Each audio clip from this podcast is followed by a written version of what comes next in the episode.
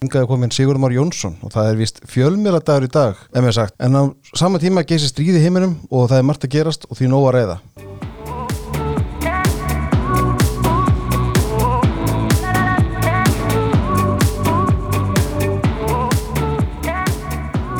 Erstu velkomin Sigurður? Takk að fyrir gísli Við ætlum ekki að gapa neitt í dag. Nei, ég, sko, ég var nú, þetta var nú alltaf svolítið svona, káðaði svolítið upp á fjölmiðlana að vera með smá skemmtiatriði, sko, á meðan þeir svona höfðu svolítið sviðið. Í Já. dag eru þeir kannski ekkit á sviðinu endilega. Einmitt. En þá var þetta svolítið ætlast til þess að þeir gerðu eitthvað og skemmtu fólki og ég man nú eftir því það gerist nú einhvern tíðan að það var einhver fjölmið sem vakti aðtökli, hann var ekki með neitt aprilkap og svo voru starfsmenn spurði þar og þá kom með þess að illegu játningu, okkur bara datt ekkert í hug. Sem að sýnir að það er ofta illegni á fjölmiðlu líka. Já, já, já, algjörlega. En sko, það er enda merkilegt að þú segir strax í byrjun að, að þegar fjölmiðlar áttu svið, eiga er ekki svið í dag. miklu síður, þeir deila því náttúrulega með miklu fleiri. Það er hérna þetta er náttúrulega eh, þetta spjallrými eða umræðurými sem að fjölmiðlarnir halda utanum það er, er alltaf að taka breytingum og hefur alltaf tekið breytingum. Ég me- meina að það er hér í eina tíð þá var spjalli, fór spjalli fram við, út við kirkjuvekkin og það duði nú oft til þess að koma slúrinu og halda við slúrinu og, og, og, og fréttum líka. Nú síðan þegar kannski svona með kannski fjölmiðla nútímans er stundum talið að sé svona einhvers konar 19. aldar fyrirbæri farið að, fari að byrtast og, og þá áttur náttúrulega blöðin eh, lengi sviðið þá til útvarpið kemur til og þá svona þá voru hraðin ekst með því og, og, og annað anna, anna tempo svona sem kemur til sjónum, svo kemur sjónvarpið sem að náttúrulega mjög ágengur miðill eh, þú, þú gast hagaðir, við, við getum verið með ákveðnum hætti hér, við erum svona í hálfgerðu útvarpi hér En, en sko, og þetta var náttúrulega frækt að stjórnmálamenn sem hefur staðið sér vel á sviði útvarsins og eruðu síðan allt hennu ómulegir Já, já, já. á, í, í sjónvarpi að þeir bara lukkuðu ekki rétt og, og sjónvarpið er svona entertainment sko í aðra röndina þannig að stjórnmálamennir eruðu aðlega að sér því þeir eruðu jáfnvel að breyta það var að, að skipta um útlita á stjórnmálamennum í einhverju tilvikum og, og, og, í, og í framhaldinu þá, Þá, þá við fór ásýnd að skipta máli. Já, nákvæmlega. Og kannski í framhald að því fórum við að fá bara sérstaklega tegund stjórnmálamanna. Stjórnmálamenn sem urðu til í sjónvarpi. Og það er, við sjáum það alveg enn þann dag í dag að, að það gerist að, að stjórnmálum að, að fréttamenn eða einhverju sem hafa verið ábyrjandi í, í sjónvarpi stíga síðan inn á því pólitíska svið. Og, og akkur eru þeir að gera það? Jú, að því að þeir eru náttúrulega að kynningin er miklu einfaldari, það er fólk þekkir þetta andlit og, og þessa rödd. Uh, og miklu frekar heldur en kannski einhver manneska sem hefur starfað á einhverjum öðru vettvangi uh, þarf að bara hefja þetta starf nánast frá byrjun og meðan sjónvarsmaðurinn er, er, er vel kynntur og hefur þarf ekki kannski sín fjölmiðla sambönd og guð maður vita hvað. En, en sko, svo ég aðeins haldi áfram með þessa þessana svona uppbrot fjölmiðlana hvernig svona eh, tíðarandi breytir þeim eða tíminn leikur þá í framhaldið sjónvarpi þá, þá koma þá kemur internetið og það var gríðarlega áskorum menn, menn vissu bara lengi vel ekki hvað, hvað fólst í því. Netfyrirtæki urðu á tímabili alveg gríðarlega verðmætt og þau gleftu hefbundum fjölmiðlana í, í einhverju hlutabriða svappi það sem að verðmætti urðu svo óskilgreind það var bara einhver ávísun í framtíðina sem öllu réði. Nú í síðan eh, kannski kom þessi innkoma samfélagsmiðlana það sem að allir hafa rödd og það er hérna þú þarft einhvern veginn að aðlaga þessi aðlaga því umhverfi samfélagsmiðlana fjölmiðlandi þurfa að starfa í gegnum samfélagsmiðlana. Þeir eru, eru að taka líka úr þeim til sín og þetta verður eitt alls er að samkrull en hefur haft svolítið slæmar afleðinga kannski fyrir svona tekjumótel fjölmiðlana um leið. Þe- þessi stóru samfélagsmiðla fyrirtæki þetta er náttúrulega bara gríðaleg tækni musteri sem að hafa alla, öll gögn og alla gagnamokka og geta bara selt nákvæmlega það sem þarf þegar kemur að auglýsingum og öðru slíku. Og svo erum við kannski uh, úr því við sitjum hér á kannski má svona er smerri sig um en það er kannski bara þessi nýjasta breyting sem eru hlaðvörp. Allt í hennu stendur maður sjálfan sig að því að hlusta á einst í tveggja tíma upptökur af fólki misáhugaverðu eins og fyrir göðu við hér gísli minna Já, já. að spjalla og kannski að við segjum Þetta er mjög áhugaverð þáttu hér Já, að hérna það, það, það er vonandi og, og við erum hér að spjalla og velta fyrir okkur svona með okkar þekkingu og þetta er, þetta, ég hlusta bara ég hef staðin sjálfa með að ég hlusta bara verulega mikið á hlaðvör Mhm. það hendar mér ágætlega þeir að ganga eða ferðast eitthvað um að hafa það í eiranum, þetta er svona vangaveldur, spjallsumir bara eru að, að gera virkilega góða hluti á þessu sviði og hérna þannig að maður sér sko síðan er menna velta svolítið fyrir sér er, er þetta, þetta bladamennska í, í, í, í eða sko þetta er, þetta er einhvers konar fjölmiðlun ánefa en, en svo er það spurningi er hún að forsendum bladamennskunar og við Já, erum er, svona- er hann það? Er, er, er til svarið þeirri spurningu? Já, sko það kannski ekki, við, við sjáum kannski óvenjulegri samtöl í þessum geira heldur við höfum séð, séð áður ég veit ekki, einhverju finnst kannski að við tveir séum bara svona einhverju jábræður hér að tala saman. Uh, kannski frekar hafi hallast til hægri á í hennu pólitíska sviði og, og þess vegna séum við bara svona einhverju jábræður og svo sé það bara fyrir jáfólkið okkar að hlusta á þetta. Ég held að ma maður reynir alltaf svolítið að augra sjálfum sem með því að hlusta á eitthvað víðara svið og taka til máls með, með þeim hætti. Þannig að þetta verði ekki allt einhver bergmálsherbergi. Já, já. Og, og, og það er svolítið áskorunin. En, en, en svo ég bara eh, með hlaðvörpu, ég sé að það, það er bara, það er verið bara búið til mjög góð hlaðvörp. Og, og bara fínt fjölmiðlefni, ég sá að tvær ungar fjölmiðlakonur, svo ég nefni nú dæmi sem voru á stöð 2 hafa verið með, er, er að byrja með hlaðvarp sem er bara mjög vel unnið og það sem þeir eru að krifja fréttamál, kannski ekkert mjög gömul fréttamál og er að, er að gera þetta bara mjög vel að mínum dómi. Er það ekki eftirmál, heitir hann ekki svo þá, Jú, já. jú, jú, það er hérna uh, ég ánum að muna uh, hérna, Nati Guðrún Jaki og, og Já, og Þórhildur Þorkels. Já, já, ég ánum að muna þessi nöfn. Og, og mér finnst, ég hlusta á, á, á ég held að sé nú bara fyrst í það mér finnst það bara mjög góður, Mhm, bara vel unni fjölmiðla efni verði ég að segja. Svo hef ég kannski, hef ég líka hlusta á til dæmis þess að um, mörguleiti umdeldu þætti sem hafa verið hérna sem Edda Falak hefur verið með sem er núna komin inn í blaðamannafélagi og það er svona, ég er svona aðeins meira að reyna að átta mig á því hva, hvað það er.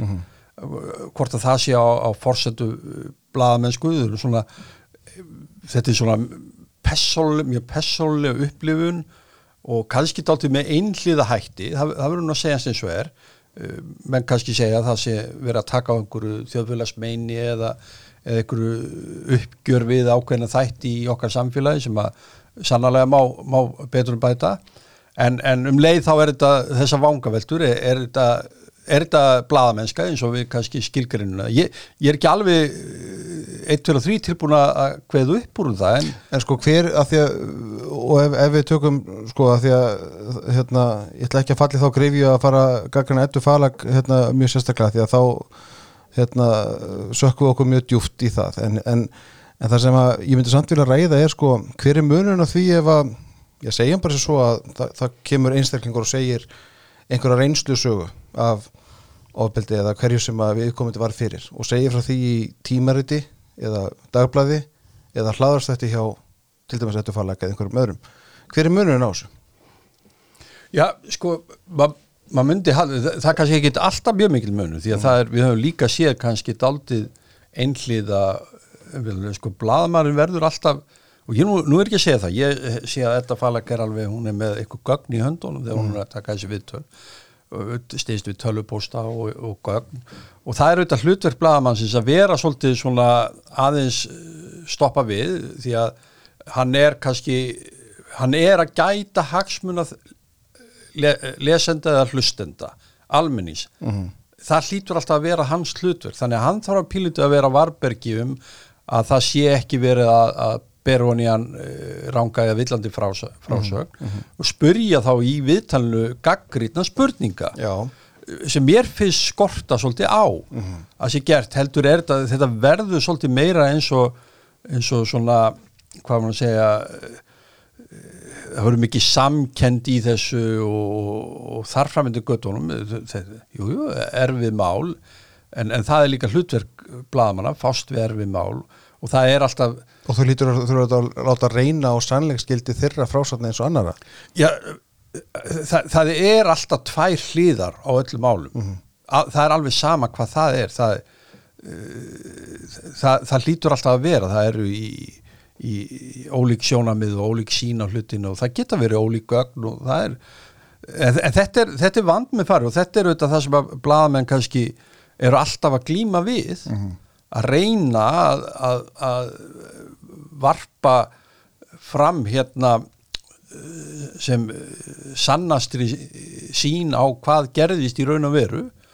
Þeir eru auðvitað sko öfut við kannski sagfræðinga þá geta þeir ekki beðið eftir að gögnin, öll gögn málsins líki fyrir, mm -hmm. sagfræðinga kvartan og yfir því að þeir hafi það ekki heldur sko, náttúrulega alls konar gagnarlind og svo, svo hverfa eh, mikil, mikilsverðar upplýsingar sem hefur geta varpa ljósi á hlutina setna líka. Þannig að þeir eru nú að, þar kemur svona setna til, ég hef náttúrulega dreigið upp þessa lýsingu að blaðamenn sé að svona skrifa fyrsta ágripsögunar og eru oft með mjög takmarkaðar upplýsingar. Eins og koma ágætlega fram í, í þessu þætti sem að ég var að lofa hér áðan hjá, hjá þeir Nadín og, og Þórildi að hérna að, og þær gangast alveg við því að þær voru að fjalla hann um mál á sínum tíma með ónóar og upplýsingar og, og kannski skildu ekki alvarleik og eðli málsins á þeim tíma. Og, en, en um leið sko þá er það fjölmjöldandir höfðu kannski ónóar upplýsingar. Máli var til dæmis í, í rannsókn og fyrir hjá löðruglu og þar hagsmunni rannsóknarinn eru ekki að opibera frá tíma til tíma hvað er, hvað er verið að rannsaka. Það, það bara er ekki hagsmunni rannsóknar. Og, og hérna og þá er það kannski svolítið fyrir fjölmiðlan að, stilla sig af reyna að fara ekki fram úr sér í vangaveltum og, og, og fulleriðingum þá ertu komin á hina hliðina fjölmiðlar vilja aðtikli þeir, þeir það, það er hundleðilegt að að vera að gera eitthvað sem engi tekur eftir eh, þetta er svona bara martröð hérna áhugaverðu mannesku sko að, að hérna, eh, hérna liftan tekur ekki eftir þið sko að menn verða einhvern veginn að, stundu krytta með frásögn sína En þú getur náttúrulega ekki gert hvað sem er til þess. Að sjálfsögðu ekki Til að sækja þér satt- nei, nei, og, og þannig hefur náttúrulega orðið svona ákveðið hvað maður að segja eh, svona skali á fjölmjölum það eru fjölmjölar sem að taka sér bara mjög alvarlega og, og hérna fara varfærdinslega í og er, eru ekki fullirðingasamir og reyna að stýðast við heimildur og gögn og á meðan aðrir eru sko meiri að sprengja upp mál á, á þeim stí á þeim tíma þegar kannski ónóar upplýsingar liggja fyrir. Og eru þá oft bara að fá heimildamann sem segir eitthvað og þeir ákveða trú honum og hérna, auðvitað, ég held að flesti fjölmjölu reyna að gera blaðmenn reyna að gera einhverjar aðtvorinni að pröfanir Já, á, á því hvað hva, hva er gert. En, en það er auðvitað margóft gerst að, blaðmenn hafa fallið í gildur að trú einhverjum og, og, og, og eitthvað slíkt. Og undaskilji þá ekki sjálfa mig. En eru sko þú er svo sem aðeins búin að koma inn á það sko bara að maður velti fyrir sig bara skilgrinningun á fjölmiðlið. Ég meina því að ég meina það er enn ekkert sem að kemur í vekk fyrir það að, að ég bara já, ég er nú hérna með þetta hlaðvarp og er auðvitað að stunda þá fjölmiðlun einhverju leiti um, en það er auðvitað ekki sem kemur í vekk fyrir það að, að ég haldi fram hlutum á samfélagsmiðlum eða stopni mín eigin YouTube-rási eða eitthvað svo leiðis og fara að flytja fréttir í einhvers konar formi eða, eða, eða bera upplýsingar að fólki. Ekkert það er ekkert sem stoppar það Nei, sem betur fyrir ekki, ég meina við erum náttúrulega Já, þá var maður sem komin fram hjá en, hefðbundnu Já, fjölmiðla leiðum sko. Já, já, eh, sko þetta er auðvitað vant við farið, sko, hvað skilgreinir hlutina, sko, en auðvitað, sem maður segir, sko, það er tjáningafrelsi er, er þó ein, bara eitt, eitt hlutur að, að fólk geti mætt með kassa niður á, á Östuvöll og, og staðið upp á kassanum og kalla sína skoðun þú færð kannski ekkit marga til að hlusta á því en þú- þetta er allavega ein byrtingaminn tjáningafrelsis þú færð að tala þar. Og það er mjög mikilvægt að, að, að, að hvað mann segja, að, fólk lokist ekki af að rattir heyrist. Og síðan verður það náttúrulega bara fólk að meta það.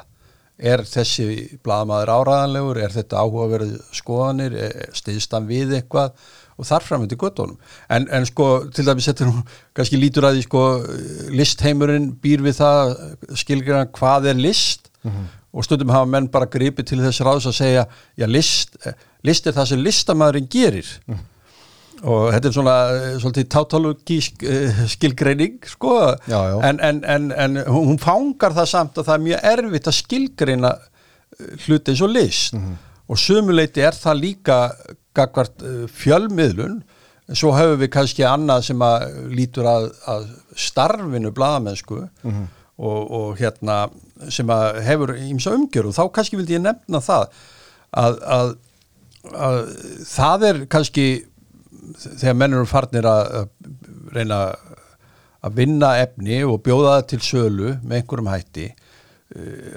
annarkvort að láta auglýsendur borga fyrir það að dreifa efninu eða þá bara með áskrift. Og persónulega hugnast mér nú alltaf þessi áskriftarleið best og ég held að hún sé svona ákveðin trygging fyrir, fyrir ákveðinu sjálfstæði fjölmiðlara. En, en, en þá ertu líka komin að því þá ertu farin að búa til umgjörð. Þú ert farin að búa til vöru þú, þú ert að hérna að þú að setja upp rítstjórn og, og ferli, vinnuferla ráða inn til ekki fólki, þetta er ekki allt fólk sem er að skrifa bara fréttinnar eða afla, afla þeirra, heldur alls konar fólk sem er að styðja við og, að, og aðstofa við, við, við, við gerð frétta eða öflum frétta og dreifingu þeirra eftir aðtökum eða hvað það er. Og þá finnst manni þá erum við kannski komin að svona þessari stærri skilgreiningu er, er það til dæmis að hafa rítstjórn skilgreinin það fjölmiðil uh, hafa sem sagt eftirlit. Ég, veit að sumi fjölmiðlar taka það mjög alvarlega að það er enginn sem skrifar eitthvað svo fer það bara beint út sem að gerist á netmiðlum í dag nánast myndi ég halda. Sem sagt þetta rítstjórnarlega eftirlit sem er gríðarlega mikilvægt og, og við veitum það sem hefur sko skrifað bækur að, að guðmur góður ef það var ekki fólk til að lesa yfir og, og endalust að og benda hluti sem og sér meina- ekki sjálfur og, já, já, ok, bók lít, hún er annað, hún lítur sínu lögmálum, kannski Mhm. umfram blaði eða fjölmiðil, en það er alltaf þetta samtali, ég, ég vil kannski orða hluti til samtal sem þarf að vera inn á rittstjórn þegar við erum að afla og, og vinna með fréttir og að segja það sé það, það sé ykkur sem að uh, fari yfir meti, ert á réttu stað með þetta. Uh, og, og það er þessi- svona ákveðin rítstjórnarleg goggunaröð, það er bladamaður, það er fréttastjóri, það er ykkur kannski yfir honum, rítstjóri og, og hvað það er. Og síðan vinna menn í þessu, ég menn sumi fjölmiðla taka þetta svo alvarlega þeir eru með ákveði fact-checking sko lið innan sinna rittstjórna sem að er, er bara vinna þvert á blaðamenn og er ekkit sérlega vinsælir og þeir koma kannski bara í baki á blaðamennin og spyrja, heyrðu, hva, hvaðan hefur þetta? Hvað er þetta? Það er mjög metnaðafull fjölmiðla sem að gera þetta og, og, að því að sumi fjölmiðlar veta það svo að það sé alveg það sé mikill voði ef rángar eða misvísandi já, frétti því færi að út. trúveruleikin hlýtur að vera eitt af verðmættasta sem það átt. Já, já, það, það, það er sé í raun og veru það, það sem að hangir á spýtunni. Og, og, og síðan en, en síðan, og ég vil kannski bæta einum þætti við sem að ég er ekki við sem allir átti sig á. Það er sambandi við lesendur. Það er ekki alveg sjálfkrafa að hunsa það ef lesendur kom með ábendingar eða kvartanir eða þeir sem eru hinum einn þeir geta bara alveg haft efnislegar hérna eh, efnislega aðkomu að eh, og, og komið með nýjar upplýsingar eða bent á rang rang, hvað mann að segja að, að það hefur verið stund við raun gögn eða dregna rángar álíktanir eða eitthvað slíkt. og þetta er auðvitað mjög erfitt skref hvernig fjölmiðlar er að fást við þetta. Það verður auðvitað tilnefingja fjölmiðlum og, og, og maður sér þetta verða mjög slæmt sumstaðar, það verður svona það sem við kalla svona bankar elementi sko, þú, þú bara getur við, við einir vitum. Það, það, það getur enginn komið með aðtöðasend af hverju eru fjölmiðlumenn svona viðkvæmi fyrir gaggrinni almennt? Þeir eru ekki einir um það gísli. Ég meina að það eru marga stjettir við ég meina við þurfum ekki að tala um lækna sko, eða heilbriðistarfsfólk mm eh, hérna, þannig að þeir eru svo mikið einur um það. En, en þetta er kannski svona þeirra uh, þeir, þeir, þeir líta sér hafa píliti svona höfundur um sig sem höfund efnis sem uh, svona persónu sem er að gefa af sér í gegnum uh, skrif sín og, og hérna, taki mikið inn á sig fyrir það. Og, og hérna, þetta er svipað eins og bara kannski rítöfundar þeir geta fengið mjög ósangjarna gaggríni og uh, góða líka sko. Það er, það, þannig að það er svona allir viðkvæmi fyrir því. En, en þetta er þetta er kannski vegna eðli fjölmjöluna þá er þetta aldrei mikilvægt og ég veit að það, ég, hef ekki orðið var við það í setni tíð en ég sá að sko ég man ekki hvort ég eh, já ég held að það verið Jónas Kristjánsson heitinn, Rítsfjörn, hann var á einhverju tímapunkti ef ég man rétt í starfsæfisögu hans sem ég, ég las nú aftur fyrir ekki lungu síðan þá var hann með svona vangaveltur um að það væri einhvers konar umbósmaður lesenda inn á réttstjórn mm -hmm. þar sem að þeir, þeir þurftu ekki að byrja að rífast við bladamann sem skrifaði fréttina heldur getur rætt við einhvern inn á réttstjórninu sem er að tæki máli áfram mm -hmm. að hluta til er þetta náttúrulega hlutverk sko réttstjóra yfirmann á, á réttstjórn mm -hmm. og ég mann það alveg sko að þeir ágætu fréttastjóra sem ég vann með til dæmis á Djefaf þegar ég hóf minn bladamennsku fyrir frábæri menn, Elias Næland Jónsson og Jónas Haraldsson þeir voru mjög mikið að bera klæð og vopnin þeir, þeir uh, átt rættu við menn og tóku, þeir voru ekki sko undigefnir eða neitt slíkt. Mm en, en hérna fólk að rætt við þá kannski, fannst það auðveldar heldur en að ræða við viðkomandi bladamann, kannski voru áriðið svona einhverjur ströymar á milli og, og þá var kannski þá var kannski metið á rítstjórninu, heyrðu er þetta ekki orðið ágætt hjá þessum hann, jú, við teljum hann sem fýtt bladamaður og fýtt starfsmaður og, og alveg bara góður gæi en, en ætti hann ekki bara að sinna þess sleppa því að vera að sinna þessu máli núna mm -hmm. í framtíðinni eða um eitthvað tíma sko og jú, þetta er auðvitað Hefur þetta eitthvað breyst með nýjum kynsluðum? Mynd, myndi þetta myndi þetta þykja óæðilega vinnubröð í dag? Að taka eitthvað úr máli í rauninni? Já, ég held það ég, ég held að í dag er sko ég er ekki vissum að sko sko, maður ætti nú kannski að hafa meira fyrir sér en byllinni svona bara mat á þessu. Stundu vantar nú kannski bara empiríska rannsóknir á því hvað er að gerast inn á fjölmiðlunum.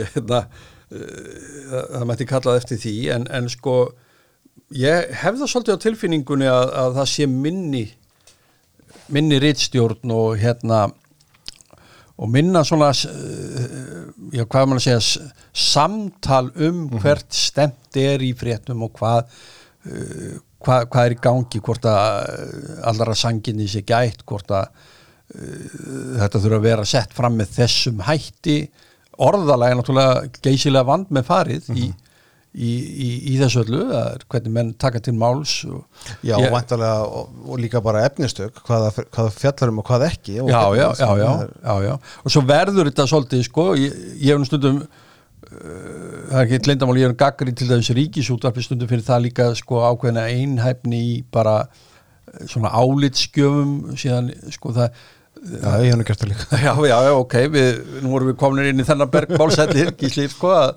að hérna, en það gerist ofta að ríkisútvarpið er með eitthvað svona mál sem er umdilt og eins og gerist mm -hmm. og svo finnst manni bara næstu vikun og eftir þá eru bara alveg kallaðir alltaf til bara sá heppilegi hópur álitskjafa sem bakkar upp þetta frétta mat sem liggur hann að baki mm -hmm. og það er bara, þetta er ekki innleikið mm -hmm. að þetta skuli alltaf vera gert með þessum hætti við sáum nú að hérna gammalt kollegi okkar sem skrifar um fjölmiðla á viðskiptablaðinu, hann, hann tók þetta upp með, með þátt sem allir tóku eftir í vikulokinu síðustu helgi sem var alveg kostulegur þáttur. Að þar, þar voru bara, hafi verið sapnað svona saman fólki sem var hérna stuðningsmenn Evrópusambansaðildar og, og svona einhver ákveðin óvildikar sjávarútvegs líka.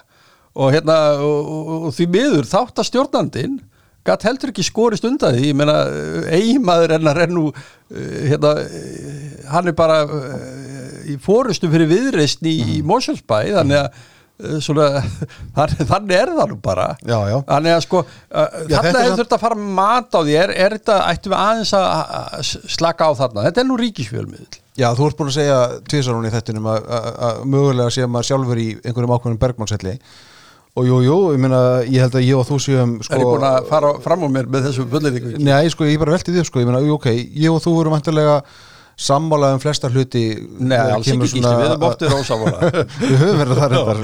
En svona heilt yfir litið myndi veist, er, Erum við kannski, ef að segja sömu línu? Já. Og jú, jú, við erum öruglega ósamála Ég er náttúrulega miklu fráslindari og, og hérna, yngri og svona sko En, en, en láta það líka myndi hluta. En punkturinn er þessi Sko, og jú, jú, við, við erum ekki að takast á hérna um hugmyndir, þú veist, í þessum þetta hér. En eins og þú segir, sko, þetta ertu með ríkisfjölmiðil sem er með spjallþátt. Og þetta er ekkit eina skipti sem þetta gerist. Að þú ert með viðmarendur sem er handvaldir inn, sem allir eru sammála í grunninn um atriði sem hefur verið að ræða. Þannig að þú veist, bergmálshellanir eru kannski svolítið margir, sko. Já, já, já, já. Þa, það er alveg punkturinn, sko. Já, já. Mér finnst það oft aldrei kostulegt. Ég, þetta er hérna, þetta er eitthvað sem að mætti alveg ræða í víðara samingi. Mér finnst til dæmis stundum bara alveg kostulegt. Það er kannski einhver fræðimaður upp í háskóla sem hefur skrifað einhverja bók og búið sér til einhvern ákveðin kenningaheim um eitthvað. Og svo bara á hann það umræðefni alltaf í ríkisútvarpinu.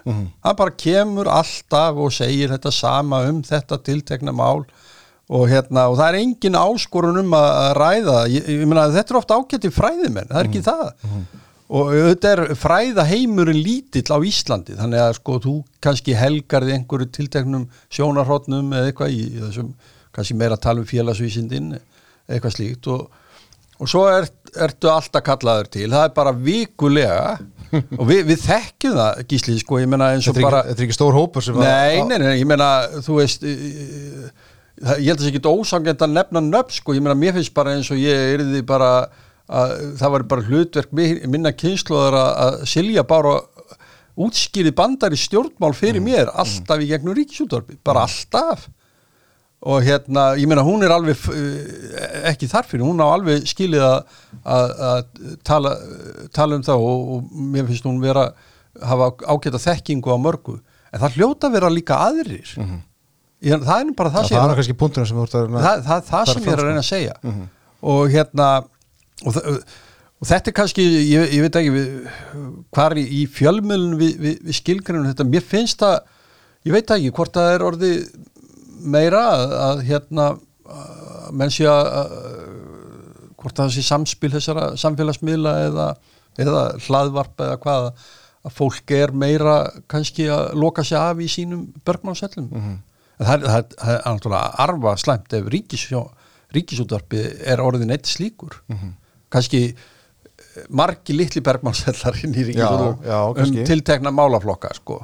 En sko, skiptir það einhverju máli fyrir starfsmenn ríkisjónasins, ég meina þau bara velja þann sem að, þau sem að þau vilja ræða við og, og hérna, það verður einhver afleðingar eða það er enginn sem að, jú, jú, við sitjum hérna og tuðum kannski eitthvað við því, sko, en Já, já, ég, ég sko, ég hefði haldið að, að það væri, og það hefði stundu verið áskonun um það, að ríkis, sko, í eina tíð þegar var hérna útvarsráð, þá voru nú oft, sko, einmitt, þá var þessi þó umræða einhver liti innan hús, þó ekki tekið mark á henni og menn voru alltaf að gera, sko, hérna, fundagerðir útvarsráðs voru byrtar og mann fannst það alltaf ólega menn horfa til þess tíma En sem já, já, afskipta sko, en það var þá umræða innanhús um það, jú, jú, menn voru stattir hérna úr ímsum flokkum inn í útvarsráði en það er svo sem alveg eins í dag í stjórn ríkisútvarsins er fólk sem að stjórnmálflokkarnir velja, já. við vitum bara ekkert hvað þetta fólk er að segja.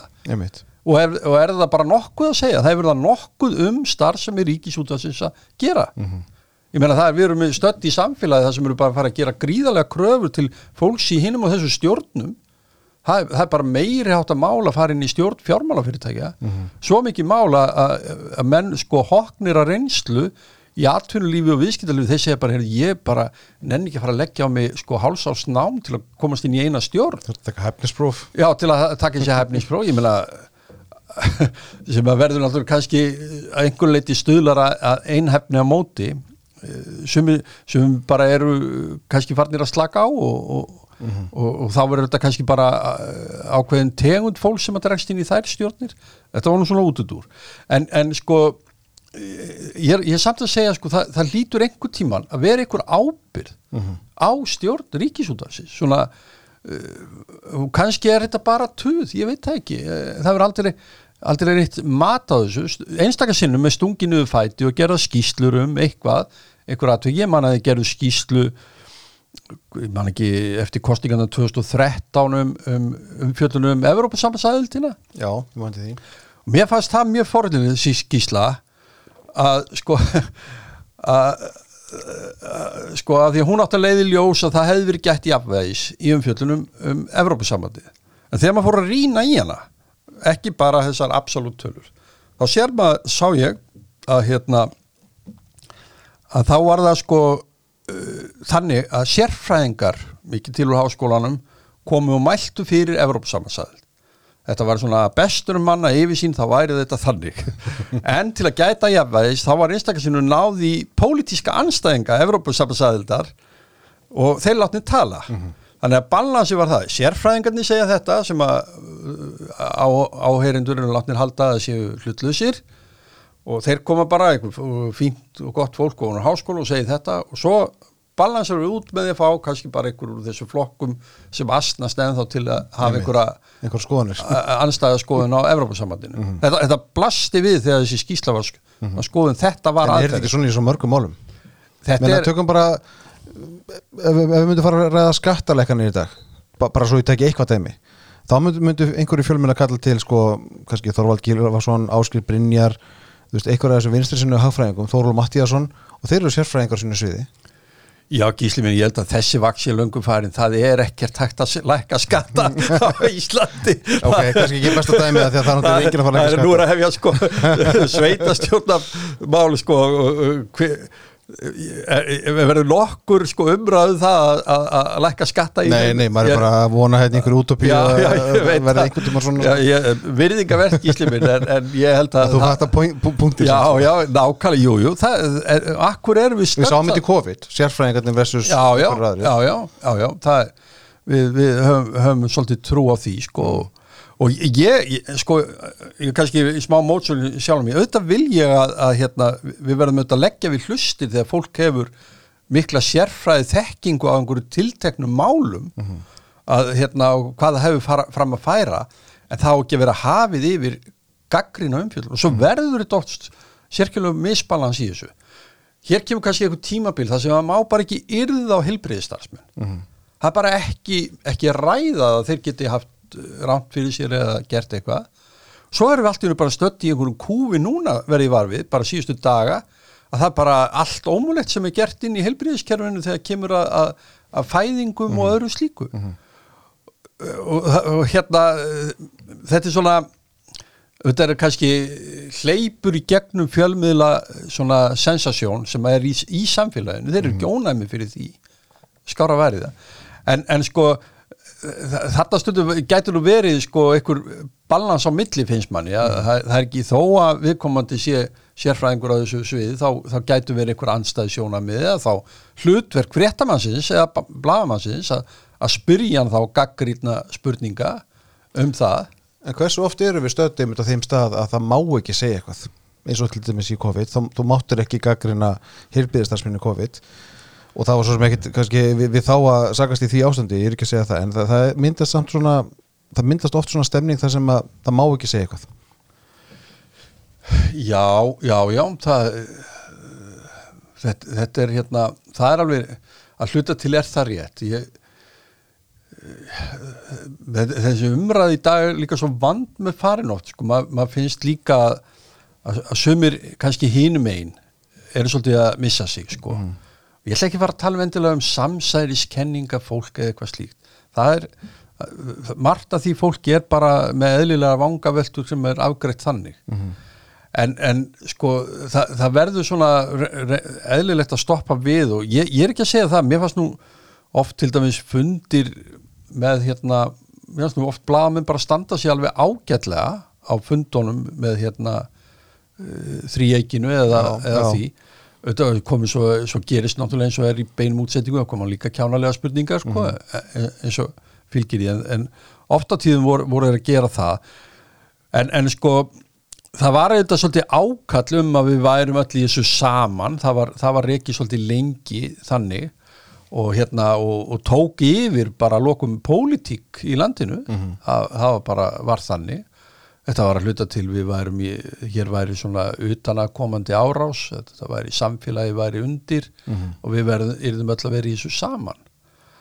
Og uh, ég held að eftir, eftir að þessu ástandi líku sem er, er við erum líklega svona í, í svona komin í eitthvað post-covid tímabil að, að þá, þá, þá munu örglega Held, heldur að þessi tími verði gerður upp? Já, já, að einhverju leiti einhverju leiti og, og framkvæmt mat. Ég, ég var nú bara á, hérna áðan að rósa þessu hlaðvarsþætti það sem var verið að gera upp uh, 6-7 ára gamalt fréttamál. Já, já, já. Og mér finnst að fjölmiðlandi mætti gera meira af því að hérna aðeins að líta tilbaka og, og þar framöndu götu.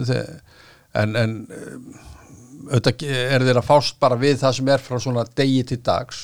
Það sem gerist auðvitað í COVID og ég ætla ekki að dvelja lengi við það en það er samt áhugavert að sjá að svona hinnir já ég var að segja svona hinnir hefðbundu fjölmiðlar að þeir afgriða veist, menn, eh, þeir hægt að gera greinamun á einhverjum eh, samsæriskenningum og einhverju tómri vittlesu og hins vegar bara eðlilegum spurningum. Og það er yngi greinamun að gera þarna á milli. Það er allir afgriðir eins sem er auðvitað mjög hættuleg þróun.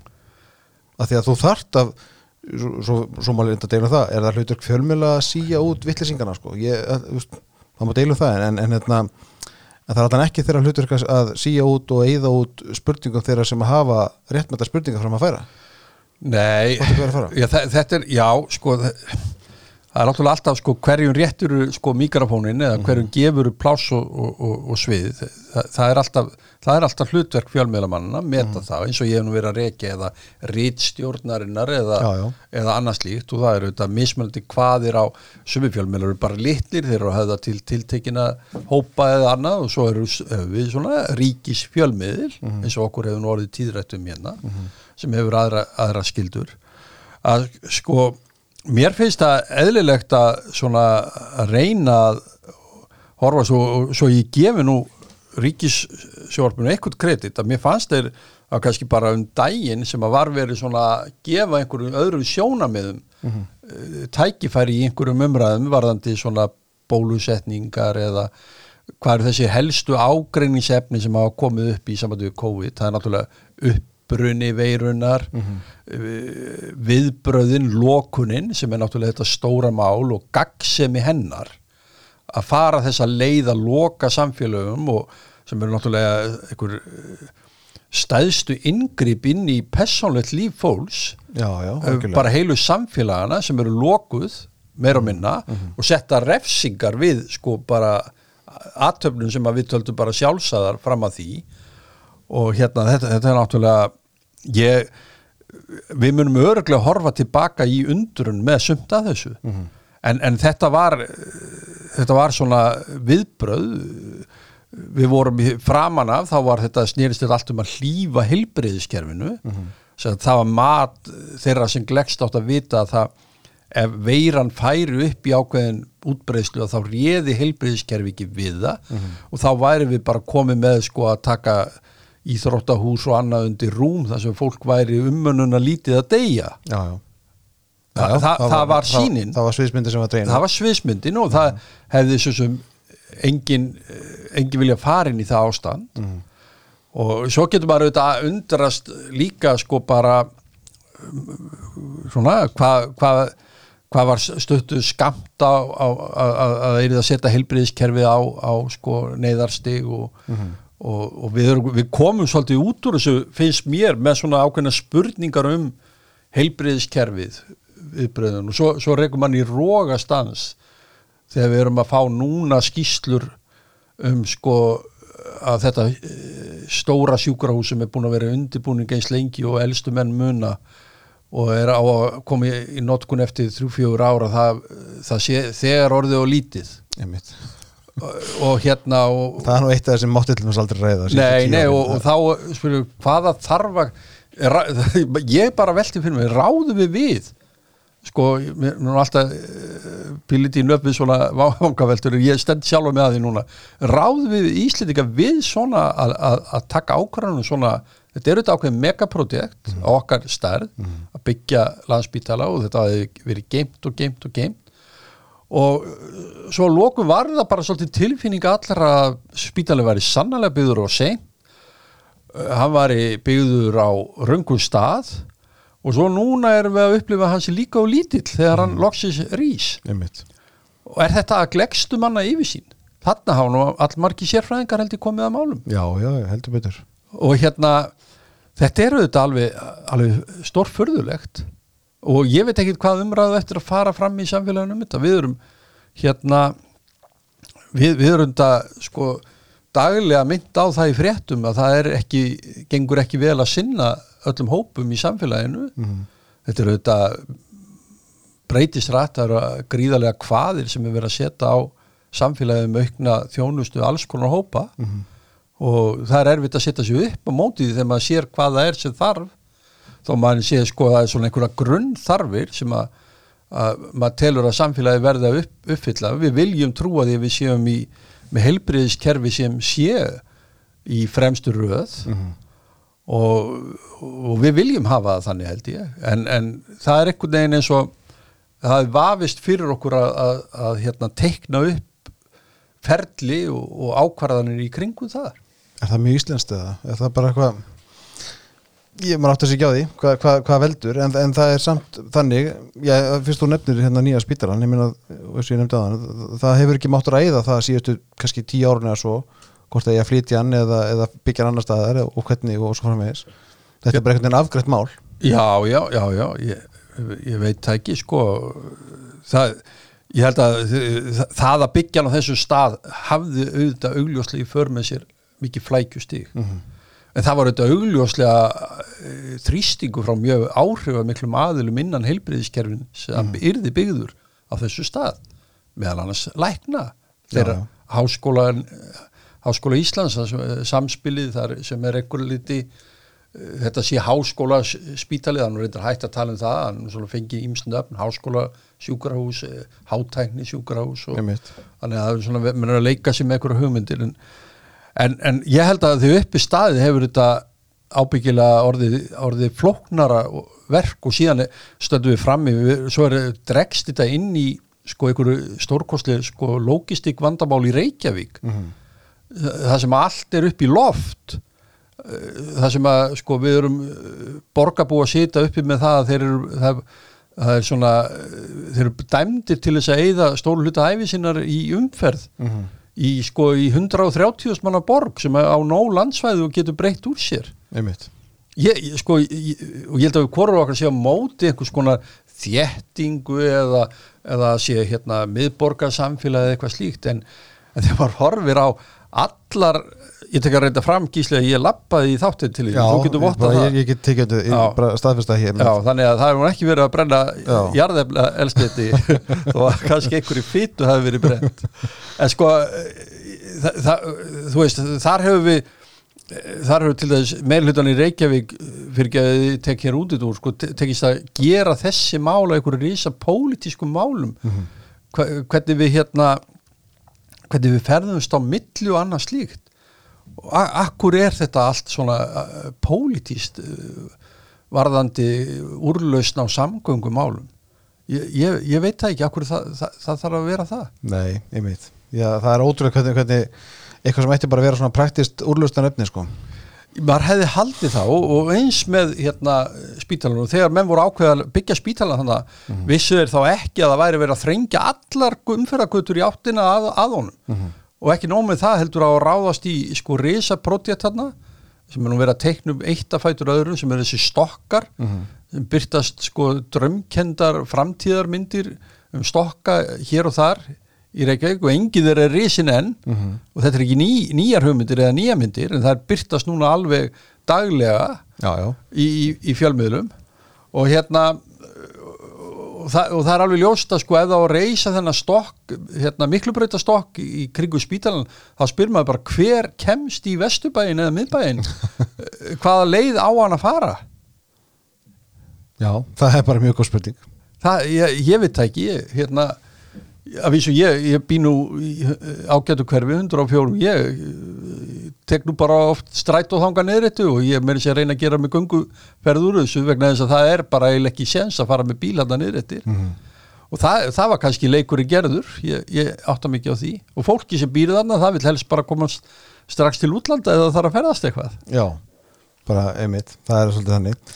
Sko getur verið á- á- áður en ég missi því út í ofdjúpa umröðum pólitíkinu Reykjavík eh, hérna, að því við erum að tala um fjölmila og, og, og, hérna, og þetta stjórnmáli í sama samhengi getur verið að fólk bara velja sér svona eigin bergmánsella þú veist, þú getur, það er engin einn fjölmiðl ráðandi. Það er engin einn fjölmiðla aðferð ráðandi. Meina, það fylgta fólki sem kannski bara skoðar Twitter og lítur á það sem sína upplýsingaöflun og fréttaöflun yfir daginn eða Facebook eða, eða, eða rennir á veist, einhverja einstaka vefmiðla eða, eða, svo er líka fólk sem horfir kannski bara á kvöldfréttir rúf og svo framvegis, fólk sem les bara mokkan sko ég meina, kannski er þetta alltaf verið svona ég veit það ekki, að fólk velji sér sína upplýsingaöflun sjálft. Já, já, já og hleypi kannski ekki öðru að. Það er svo sem uh, alltaf verið ákveðin viðleitni til þess sko, það, það er auðvitað ekki nýtt að fjölmiðlar endurspegli ákveðina pólitík. Við náttúrulega kynntust þessum á sínum tíma að hér voru flokkspólitísk blöð. Já, og sem að hvert og eitt stutti tiltekki stjórnmálaflokk og voru að hluta til fjármögnu í gegnum það. Síðan verður svolítið uppbrot á þessu eh, hérna með tilkomu dagblansins á, á 8. áratugnum. Og kemur, þá verður svona umbrot og út úr, það brýst út úr vísi. Og dagblaði verður til og það er, hvort það var ekki 75 líklega sem að það verður til og það, það er náttúrulega er svona pílítið að eh, náttúrulega eh, hitt var orðið eh, svona komið til árana sinna hitt fyrirkomulegi og, og þetta eh, nær alveg ágættir fótfestu dagblæðu og það verður, svo verður síðdeisblada stríð þarna í nokkur ár. Og ég held að til dæmis að menn allir að s- s- aðeins að rýni í sko það sem gerist í Girfins og Guðmundamálunu þá voru það líka að skilja staðins í því, því stríði sem var sem menn voru að elta það, það mál var mjög stort fyrir baráttu milli þessara blada en, en sko sannlega uh, var það og þetta var bara þannig í Galanda að þú kaust eitthvað til uh, alþjóð vinstra fólk, alþjóð bandalarsfólk kefti þjóðviljan og alþjóðblaði var nú oft mjög lítið, það var svona einstaklega sinnum reys úr öskunni og var það einhverju og svo, svo var náttúrulega morgunblaði fyrir hægri menn, sjálfstæðismenn sem á þeim tíma sjálfstæðisflokkurinn var náttúrulega þá uh, yfir 40% á landsvísu. Sjálfstæðismenn voru bara mjög borgarlega öll voru uh, talsið stóra þeim tíma. Og svo var náttúrulega tíminn og framsónamenn og þetta var auðvitað svolítið sko menn vildu lesa þetta á mótnana, fá svolítið sín skilaboð og svo gáttu þeir farið á kaffistofun í vinnunu og höfðu svona eitthvað á náungan sko. Eitthvað, þinn maður var nú ekki að eiga gott mót þarna uh, og rifust svolítið út frá þessu og, og, og þannig voru þessi blöð svolítið skrifuð unnin. Það var auðvitað oft ágætt blað og fréttamennska í þessum blöðum, það vantaði ekki. En, en sko hvað, hvað allir þessu uppbroti þess að þá var fólk, svolítið uh, sá, uh, svona hafði þetta fyrir það vissu allir að þetta voru flokksblöð og fólk keipti það. Og síðan verður þetta uppbrot og dagblæði kemur uh, og síðan saminlast vísir og og DFF verður til á ákveðin uh, gullalda tíma og svona og svo ákveðin gerjun það komur svona helgarpósturinn kemur hann inn uh, sem var náttúrulega sem bara alltaf eh, vikublað það hefði kannski ekki, ekki mikla vikt en, en þó á, ákveðið. Og hérna síndi allavega svona ákveðið uppbrott og síðan sko verður náttúrulega þessi mikla breyting 84 þegar hérna útarpið er gefið frjálst eða, eða það bara brýst út. Í raun og veru, það átti ekki að gera það að hérna bara verkfall ríkistarfsmann á rúf bjóðila til jarðvegin fyrir þetta og, og, og þá í framhaldinu verður bara mjög fjörugt sko á, á, hjá ljósvakanum og, og síðan kemur stöðu tvö skömmu setna og þar verður mikil dýnamik í kringum allt þetta. En, en sko á, þessum tíma þá fyrir ekki að ég er sko leið mér að hlaupa eins yfir þessa fjölmiðlasögur sko að, að, að í, kringu þetta hennar tíma þá vex morgublaðið alltaf. Það verður sko uh, svona þetta stóra borgarlega blað í á Íslandi og nær algjöru yfirburða stöðu í, í allan okkur tíma sko uh, og hérna og sko auglýsingaverðið sem þá var ég held að það sé allar búin að ná því aftur í dag borgublaðið sko, það, það segir nú bara sitt hvað. Og dreifing þess var gríðarlega mikil og, og, og blaðið sko veitti náttúrulega gríðarlega mikla þjónustu líka. Og menn henda nú gaman að þessu eh, dána uh, minningagreinum og dánatilkynningum uh, sem að hafa verið í blaðinu. Þetta er náttúrulega samt mikilsverð þjónusta fyrir samfélagið. Já, já, alveg eh, gríðarlega þó að sé kostnaðasamt alltaf fyrir blaðið að gera þetta og síðan hefur eh, eins og ma- maður þreytist nú gjá að benda á að blöð eru náttúrulega veita lesendu sínum markvíslega þjónustu. Á þessu tíma var eh, þú fjast ekki dagskrá ljósvakamiðlana nefnir gegnum blöðin. Það voru fundir og fundarhöld það var allt í gegnum blöðin. Einmitt. Íþróttir og annað slíkt og síðan náttúrulega ef eitthvað stór, stórt gerðist í samfélaginu að þá var, þá var það eh, jú, jú, ljósvakamiðlana svona eftir því sem þeir hugsu og blöðin og morgublaðið sko það var það var, ef það verið tíðindi var það Íslendinga Erlendi, stór tíðindi það var náttúrulega stóra flugslýsanda í sér langa á sínum tíma mm frækt, voru, þetta var verið Árni Jónsson og einhverju fleiri sem voru sendir þangað á vettvang og það var morgublaði gerði þetta, sendi fólk á vettvang og, og fyrir vikið eigum við sko miklar upplýsingar og myndir einmitt. Sem eru þetta mjög mikil verðum þetta fólkin í. Ég held að að skrásetta söguna sko, já, ef við erum að velta bara fyrir eins og sko, e, nú erum við aftur komin inn í nútíman og þessar hugmyndur um hvað ég liggja til grundvalla þegar sko er verið að styrkja fjölmiðla í gegnum ríkisjóð í dag að þá er náttúrulega einsætt að horfa til þess hvað þjónust eru viðkomandi fjölmiðlar að, veita. Það er eitt kannski alltaf að fara að styrkja það bara því að þeir hafa ákveðna skoðanir eða vilja dreifa, dreifa þeim með einhverjum hætti. En hitt er að öll þessi þjónusta sem er kannski veitt í kringum fjölmiðla uh, þessi dokumentasjón sem að maður segir að, að því leita hún sér til stað hún hefur þetta horfið eða minkað í sumum tilvíu, ég meina sumblöð og ég, kynntist þess að ég var að defa það mikið af góðu ljósmyndur og mér fannst eh, sko sem að hefur því miður eiginlega dreigi verulega úr í dag. Það er svona að, verði til frétta ljósmyndir. Eh, bara uh, myndin sem slík er fréttin, þetta er náttúrulega uh, þetta er náttúrulega stórt mál allstaðar ellendis að- ljósmyndin fangi augnablikið. Nú er eins og sem stærri og stærri hópur fólks með alls konar myndavilar en samt auga fréttaljósmyndar það er fátt sem kemur sem jafnast á við það og, og maður hefur séð að hér við höfum átt mjög marga mjög góða Já, já. frétt, sko það er annars vegar svo sem ljósmyndara sem eru listræni í eðli sínu, sem blöð hafa leift slíkum ljósmyndurar að þroskast hjá sig, kannski sérstaklega morgunblæði, bara mjög bara sanni listamenn og svo er það þessi fréttaljósmyndara sem er að, að ná atvikum uh, áhugaverðum myndum uh, úr nútímanum. Þetta því miður þetta er svolítið farið og hvað ætlum við að gera með það? Hérna svo, svo maður veit það sko þegar menn eru síðan í bókaútgáfu síðan meir og vantar myndefni frá hinn og þessu þá bara eh, vantar það, ég get tekið sem eitt sem dæmi, sláandi dæmi að þegar snjóflóði fjall á, á hérna Súðavík á sínum tíma mjög tragiskur atbyrður og, og, og gerist við mjög erfiðar aðstæður og blaðamenn fóru vestur, það var náttúrulega gríðarlega ófærð og blaðamenn fóru vestur með, með hérna varskipi já, og svo voru þeir meira að minna lokaðir inn í fristuhúsinu eða eh, sko fólk var í einhverju tráma menn viss, þetta var bara menn illa, ekki nóvel undirbúnir undir svona atburð og, og, og maður fann það bara þeir fréttamenn sem hefur fór á staðin þeir nú eiginlega kannski þurft bara áfallahjálp eftir á að higgja við það sem þeir upplýðu þarna og þeir voru, e- þeir voru bara ekki velkomnir á svæðinu. Ein niðurstað af þessu er svo að við eigum bara mjög takmarkaða fréttaljósmyndum Mhm. af þessum atburði. Þessi skráning sem er eins sársökafullt og það getur verið að þá viljum við skráningu.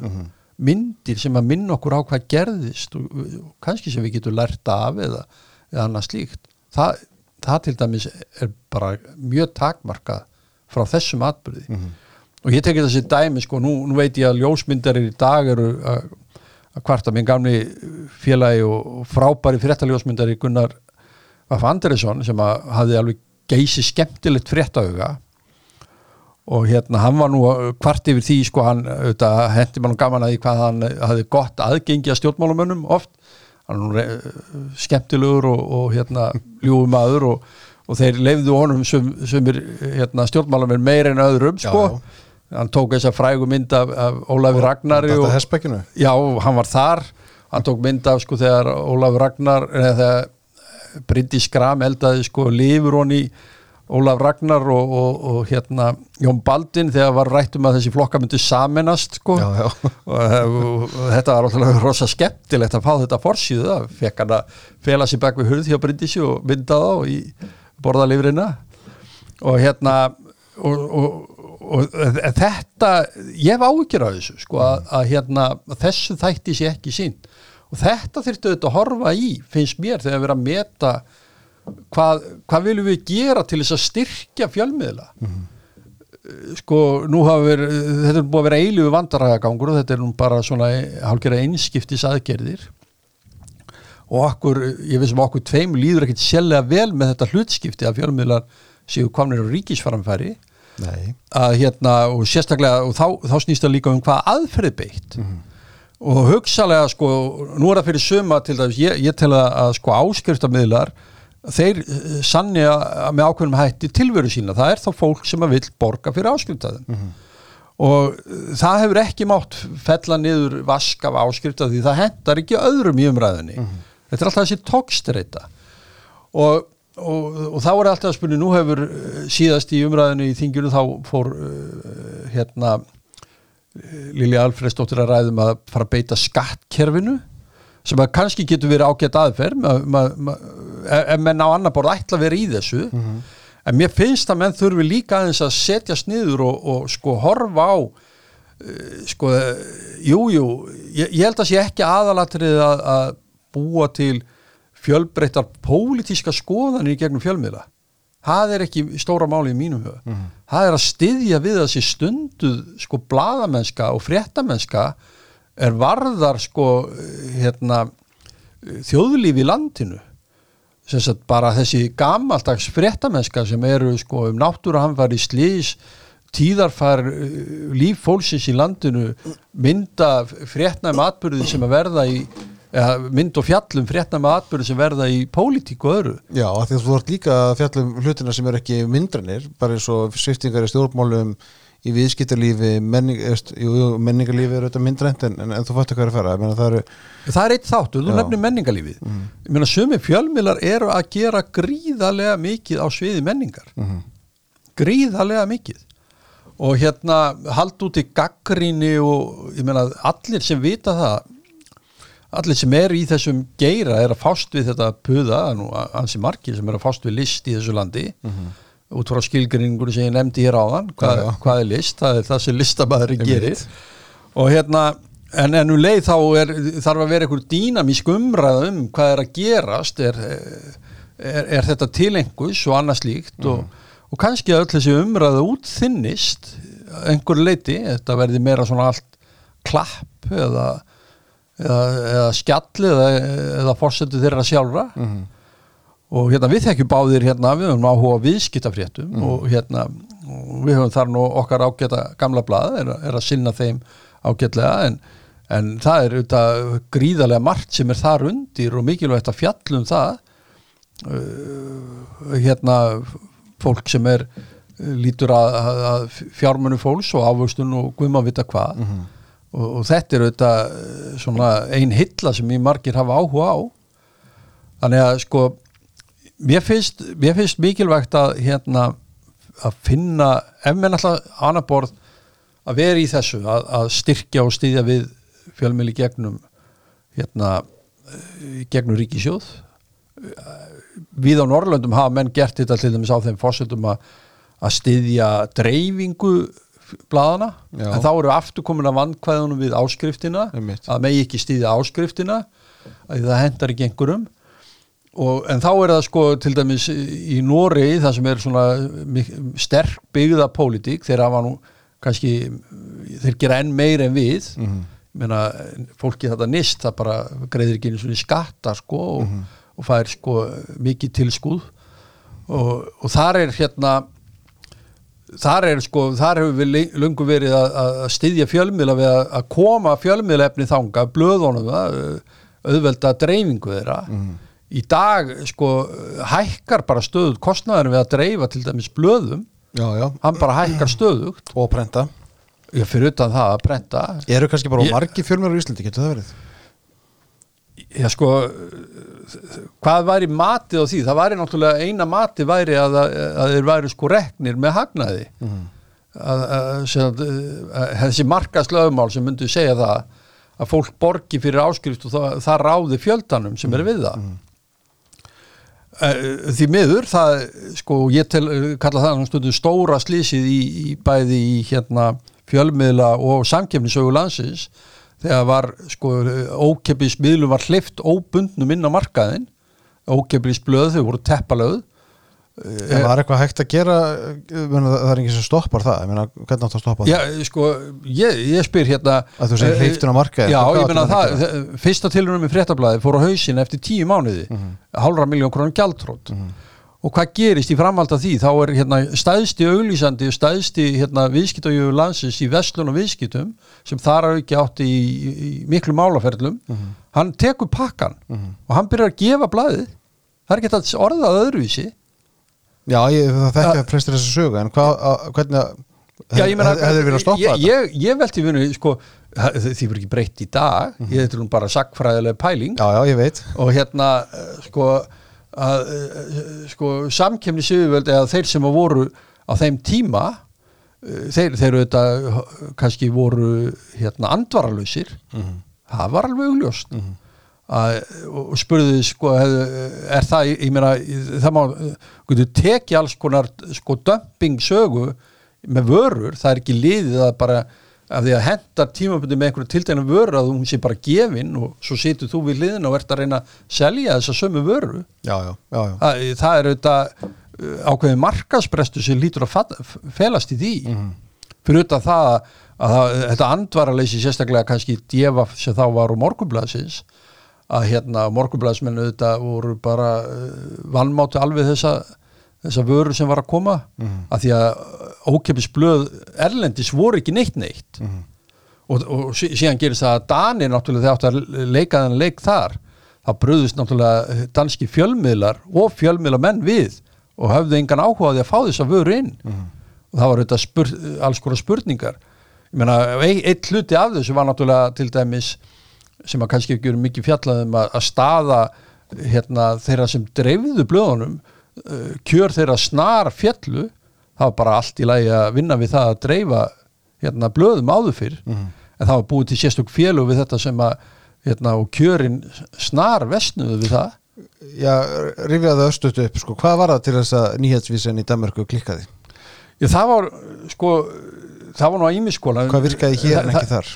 Það var náttúrulega sko flóknari dreifileiðir til þess fjölbýlishús og þú, það, það gæti ekki bara hver sem er komið inn í fjölbýlishús og, og skili eftir blaðabunga það var bara ekki leift og þú þurftir að hafa aðgang og leifi til þess að fara inn í stigagang og annað slíkt.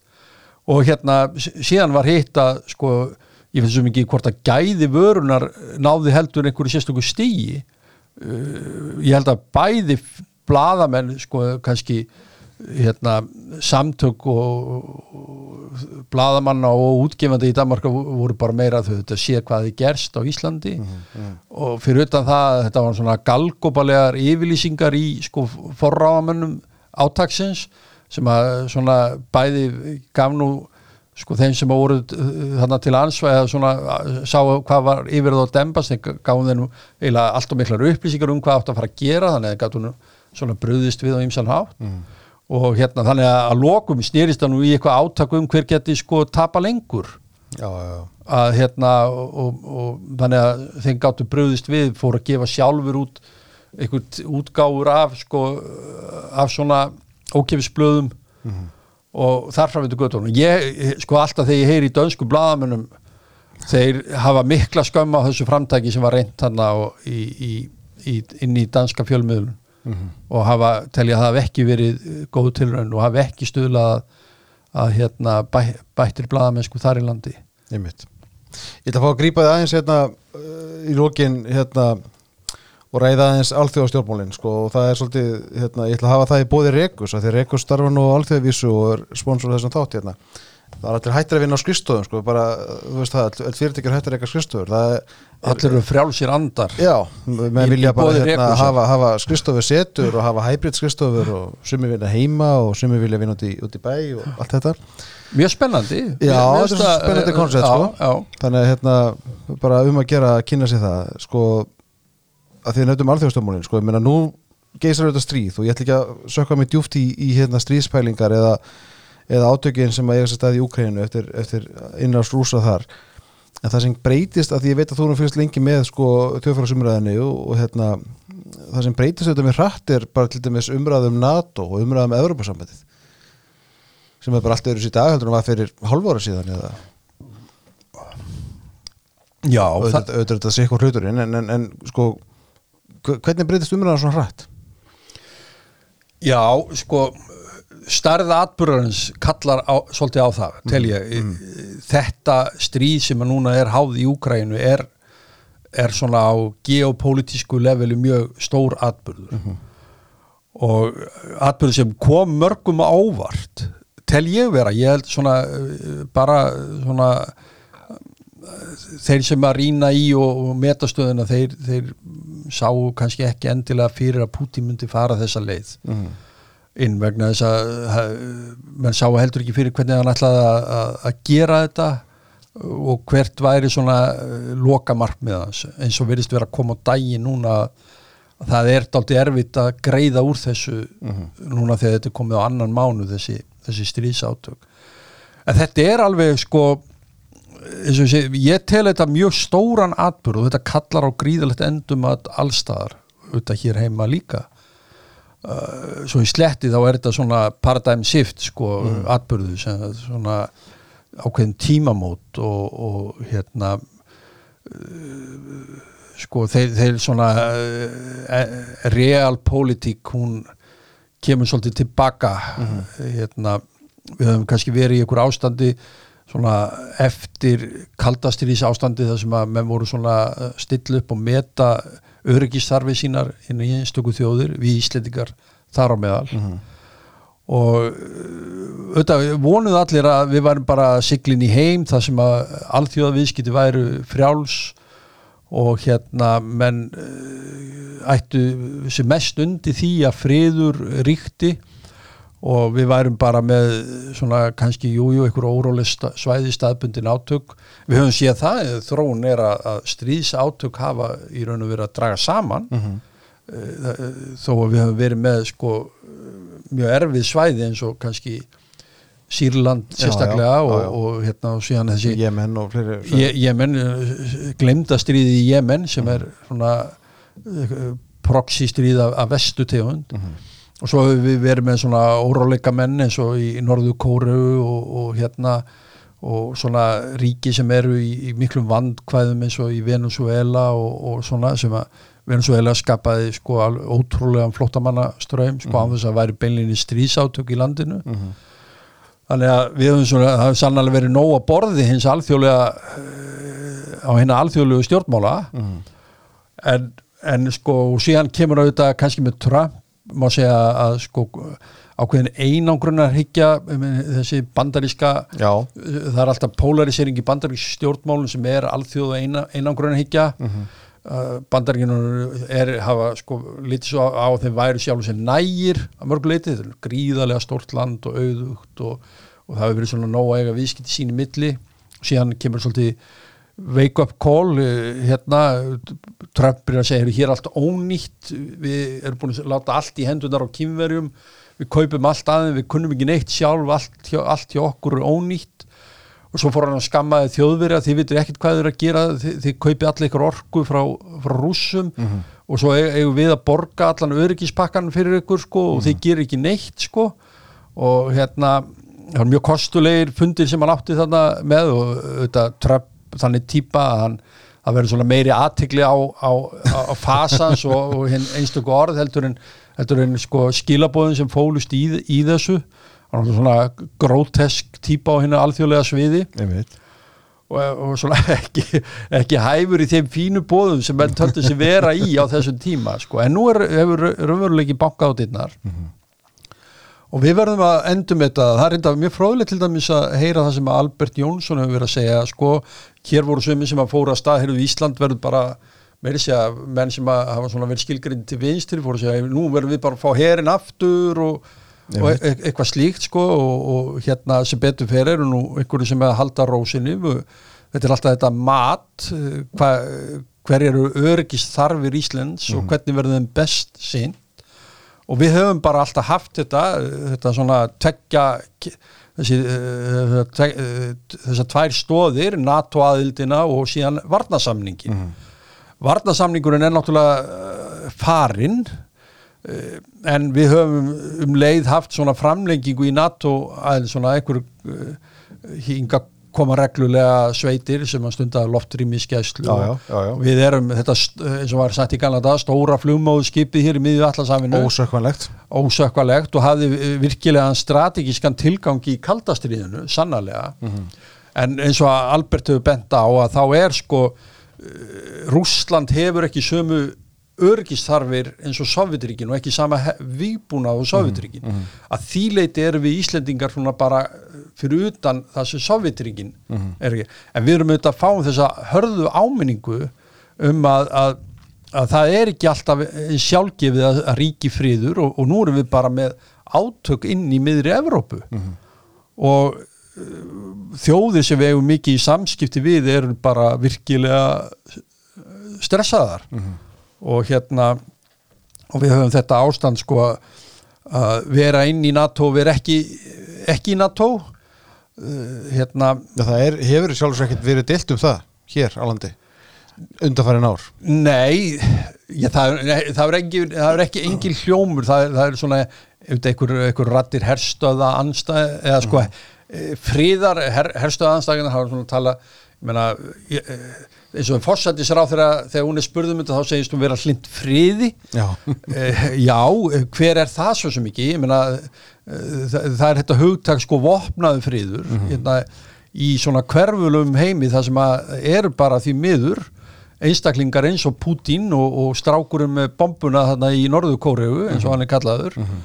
og hérna sko og þannig að það eru sko átaka fleti sem við verðum að horfa til og ég held að sko og manni sínist eins og, og, og enn stiðst ég við það sem Albert hefur verið að benda á og, og maður lesa líka fleiri eru svona sko þá, er ég, ég er nú ekki að sökka mér inn í hérna realpolitík sem að Óláður Ragnar Grímsson hefur orðið svolítið fulltrúi fyrir með ásand Kissinger og hérna Mörsheimer og fleiri um svona sem er, sem er mjög sem er samt alveg raunverulegu kenningaheimur og er alveg að fást við hluti sko að þá er kannski bandaríkjumenn svolítið að segja núna sko hérna, Evrópa verður bara að fara að passa sér sjálf, hún mm. verður sko á meðan sko lönd eins og þau sem eiga landamæri að, að Sovjetiríjónum þau yrðu aldrei Ístrafslandin og Póland og fleiri yrðu aldrei, verða held ég aldrei í ronni nema að síu bandarískir hermenn við rúsnesku landamærin undir merkjum NATO. Mm -hmm það er þessi framvirka örgisvörð sem þeir trúa einir á. Ég held að muni ekki sætta sig við að, það er langt, langt í landa þeir sætti sig við að það verði sko einhverjir franskir, þískir Já. eða Evrópu hermenn eða þeir vilja bandaríska hermenn, þeir þurfu ekki að vera ofsalega margir, þannig að rúsin viti að um leiðu hann er komin inn þá er hann komin í átök við bandaríska hermenn í Evrópu það er, það er bara líkil sem hefur allt annað vægi. Það er allt annað vægi. Og þetta er og við höfum þetta, sko menn eru þarna að mæla, nú svo höfum við þetta sérstakka ástand til þess með Finnland og sumulit í Svíþjóð. Mm -hmm. og menn eru með vangaveltur, er, hvað hva vaki fyrir Pútín, er hann eh, sko eh, sem að fari nú ekki út í einhverja sko svona mentalitet sko hugsun að hann sé bara bara rugglaður, sem getur nú verið fristandi mm -hmm að sko finnar, heyrðu hann er að tala um stór rúsneska ríki hér í, eins og það var í gamla bara. Já, gamla keisardömi, heyrðu, við vorum hluti af því. Mm. alveg eins og Ukraína sko, mm. hvað, hvað stoppar hann sko? Þannig að finnar ja, Þessi hefur nú bara verið velt upp síðustu vikur. Sannlega, já, já þetta er menna velt alls konar hlutum fyrir sér en, en þetta er raunveruleikin fyrir fólk í þessu löndum. Mm. Sannlega og fólk eins og í Eistrasafslöndunum sem við höfum átt mjög ánægileg samskipti við og stutt svona þessi litla ríkis pæling og, og við, við eigum þeirra þakklæti fyrir margt í, fortíðinni og hérna og skiljum þeirra aðstöð einhvern veginn, þau hafa staðið sér vel eftir að þau fengu loksis að standa á eigin fótum. Og en þe- þetta er sko og mun til dæmis bara næstu mánuði misseri mun það, er bara stóra sem mun til að það eru, það eru tillögur í finska þingjuna í maður rétt um að verði emti þjóðrat hvaða greiðslum að gangi í NATO. Svíjarnir eru bara á einhverju svipaðir í braut og hérna, ég meina, svíjar hafa verið með hlutleysi en þeirra, alla þeirra byssu beinast alltaf í austur. Já, já, þar er hættan og, og, og hvernig ætla þeir að, að samsama sig þessu hugsalega eru þessi tvö, tvö ríki ég veit ekki eh, hvað eru sam, samofin hvort þau hu- hugsa til þess að leysa sín mál einhver leiti saman en líklega eru þau bara leiðin inn í NATO.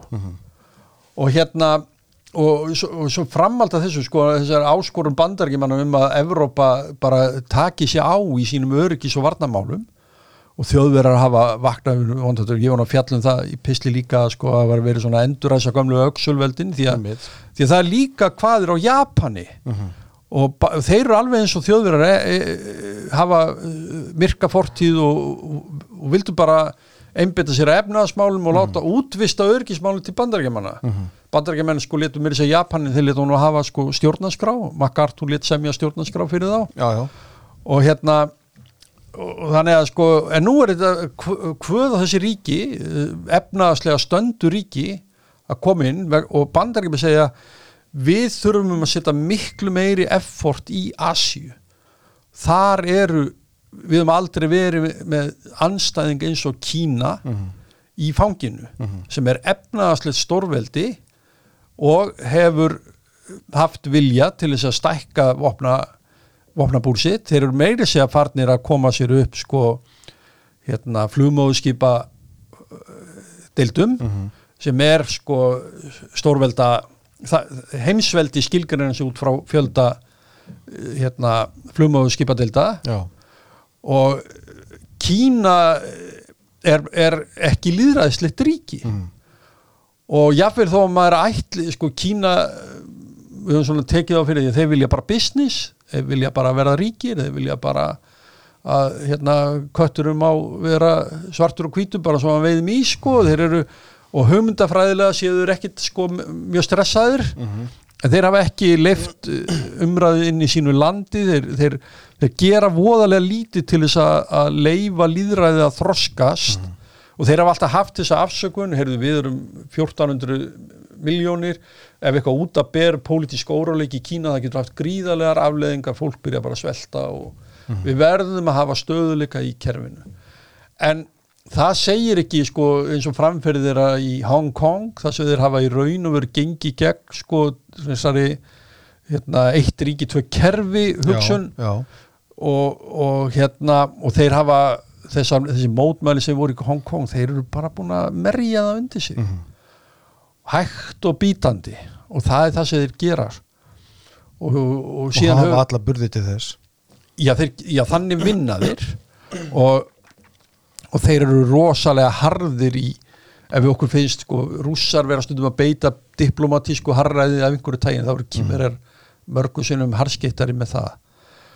Og þetta er þetta er bara því miður ekki eins ekki eins stöðugur heimur eins og við vorum að vona svo höfum við þarna stórar þjóðir sem að vilja láta, við sjáum að tyr, tyrkirnir eru, eru hérna þeir vilja gera sér gildandi þeir veit. við hafa nú verið Er, Erdogan er ekki breiðan þessa já, já, já, ég meina mér er svo sem nokk sama ef hann getur stuðlaða frið, ég, ég veit ekki það er náttúrulega svolítið skrítið ef hann og Ísraelsmenn eru kannski uh, koma á frið í Úkrænu en, en uh, það bara væri þitt besta mál. En það, við höfum segið að Tyrki þetta er 80 miljón manna þjóð og, og hefur umtalsverðan styrk og er staðbundi veldi svolítið eins og rússarnir eru staðbundi veldi, svo hefur við Írani sem eru sko 80 miljónir líka og eru hafa, Íran er bara með góða tækniþekkingu það er, það er hérna verkfræði þekking og mentun í Íra er meira en margir átt að sjá og þeir eru sko hérna þeir eru sko síta megin í, í tilvörunu með, með sko Sáti Arabana sína 30 miljónir hinum megin það eru svona tvær stóðið þar Já. og svo hefur við sko Pakistan sem að hefur verið að fást við að, eða sko Indland og Pakistan sem að hafa sko bæði kjarnorkuveldi og, og, og menn hafa stundum óttast að það væri sko veiki punkturinn í, í heiminum af því að þar hafa hvað eftir annað orðið átök á landamærum þessara ríkja en, en bæ, þetta eru bæði líðræðisríki en líðræðis stendur veikum fótum í þessu löndum, sérstaklega kannski í Pakistan og Pakistan er sko orðin gríðalegur skuldunautur við kynverja Pakistanar hafi yfirleitt sko starfa með bandarækjumannum en nú eru kynverjar búin að lána þeim.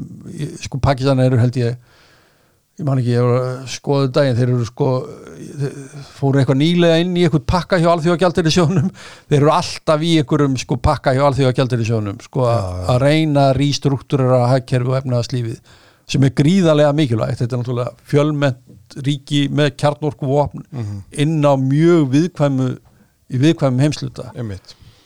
Þannig að þetta, ef maður hleypur svona yfir þetta gísli, sko, þá er hérna það, það er nóg við að eiga, sko og, og hérna, við höfum alltaf kannski ósjálfrátt treyst svolítið á bandaríkin til þess að vera svona, eftir fall Sovjeturíkjana voru þau náttúrulega eina heimsveldi sem var eftir og hvernig ætlaðu að starfa með Já, við hverju? höfum engan annan til að halla okkur upp að.